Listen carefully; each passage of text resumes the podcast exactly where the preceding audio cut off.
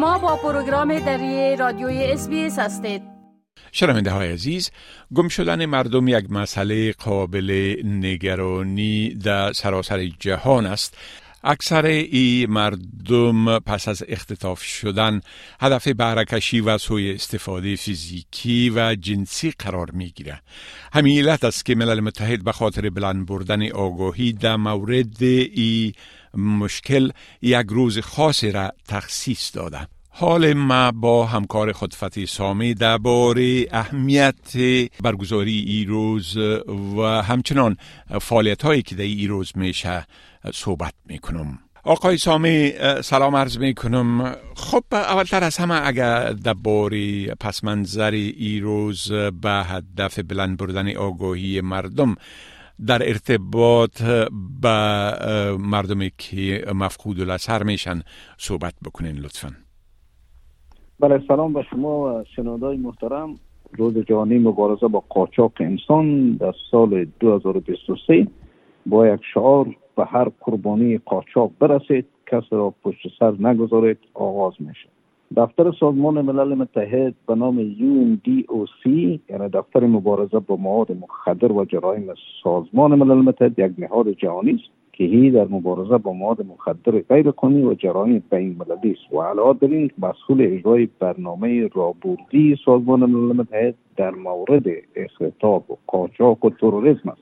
هدف افزایش آگاهی در مورد تحولات و روندهای آزاردهنده شناسایی شده توسط سازمان است که از دولتها مجریان قانون خدمات عمومی و جامعه مدنی می‌خواهند تا تلاش خود را در تقویت پیشگیری شناسایی و حمایت از قربانیان قاچاق انسانی ارزیابی کنند و افزایش دهند و راههایی را جستجو بکنند تا جنایات کاهش بیافت و به معافیت از مجازات پایان داده شود. همچنان گردمایی ها در صفحات مجازی رسانه ها مردم را از این خطر آگاهی میدن دلیل افزایش جنایات قاچاق مواد مخدر و انسانی این بوران های جهانی درگیری ها وضعیت اضطراری در کشورها تغییرات آب و جنگ ها نارامی و بوران ها بیثباتی های سیاسی و امنیتی است که خطرات قاچاق تشدید می‌کنند. آورگی نابرابری اجتماعی اقتصادی میلیون ها نفر در سراسر جهان متاثر می و اینها را در معرض استثمار قاچاقچیان قرار می کسانی که فاقد موقعیت قانونی هستند در فقر زندگی می‌کنند.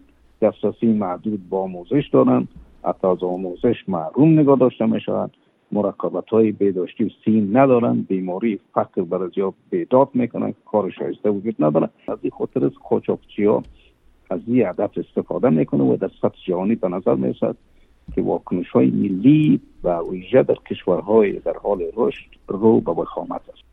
خب قاچاقچیان طبعا از تکتیک های به خصوص برای ربودن مردم و قاچاقشان و سوء استفاده از اونا به حیث برده فیزیکی و برده های جنسی از تکتیک های استفاده می‌کنن. اگر درباره این تکتیک ها لطفا معلومات بتین. بله خدمت هر شد که بعد از کووید 19 قاچاقچی ها می‌تونست تکنیک های زیرزمینی و مخفی استفاده کنن. و اینها کمتر جرم از کشف می‌شد و از این سو استفاده میکن در واقع 41 درصد از قربانیان موفق میشن که از جرم و مصیبت خود فرار بکنن و به ابتکار خود به مقامات مراجعه بکنن اما به صورت عمومی یک مشکل بسیار مهم است به خاطر از که سازمان ملل متحد بر توسعه پایدار و اهداف دراز مدت خود تا سال 2030 کوشش می‌کنه که در تمام نهادهای امنیتی ناتوانی ها را رفع بکنن و بتونن که قدرت کشف و دستگیری جنایتکارای قاچاق مواد مخدره افزایش بتن قرار اطلاعاتی که پی نشر کرده سازمان ملل دو لک و بیست پنج هزار قربانی قاچاق در سراسر جهان کشف کردن جمعوری کردن و کشورها در سطح جهانی قربانی بیشتر را شناسایی و گزارش میتن و قاچاقچیان بیشتر محکوم می‌کنن که می‌توانند نتیجه افزایش ظرفیت شناسایی و همچنان توانایی از یا برای کشف و به مجازات کشانیدن قاچاقچی ها شود. هیچ قاره هیچ کشور و هیچ حالت استثنا نیست.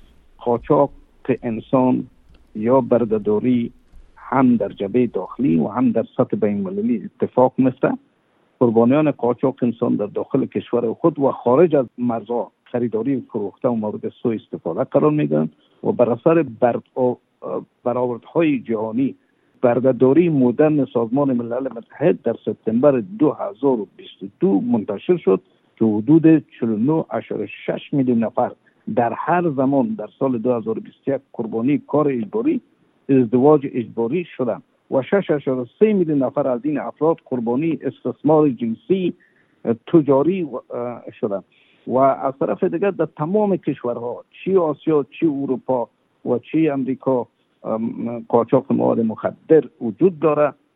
ببخشید قاچاق انسانی و به های مختلف به اندازه مختلف میزان های مختلف صورت می‌گیرند بله. خب اگر لطفا بگوین که کشورها و استرالیا چه اقداماتی را برای جلوگیری از گم شدن یا ربوده شدن و همچنان قاچاق انسان انجام میتن؟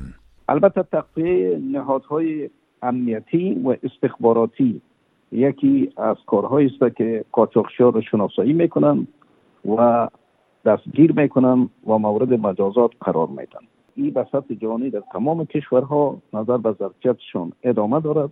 اما شاخص جهانی جرایم سازمانی یافته البته در 193 کشور در مقابلشان توصیه میشه که این پذیر در مقابل جرایم سازمانی یافته وجود نداشته باشد و همچنان در استرالیا بسیار شدید گرفته میشه و اینها علاوه به که مطابق هدایت سازمان ملل متحد عمل می‌کنن بلکه یک پروتکل اضافی را هم روی دست دارن که در قسمت قاچاقچیان مواد مخدر البته اقدام بکنن و در سطح بین المللی استرالیا کنونسیون سازمان ملل علیه جرایم سازمانی یافته تکمیل کرده و برای جلوگیری و سرکوب قاچاقچی انسانی و خصوص زنان و کودکان نه تصویب کرده و بسیار دقیق کوشش میشه که بله. مورد توجه و تعمیم قرار بگیره بله خب کسایی که اطلاعات بیشتر در ای رابطه می‌خواین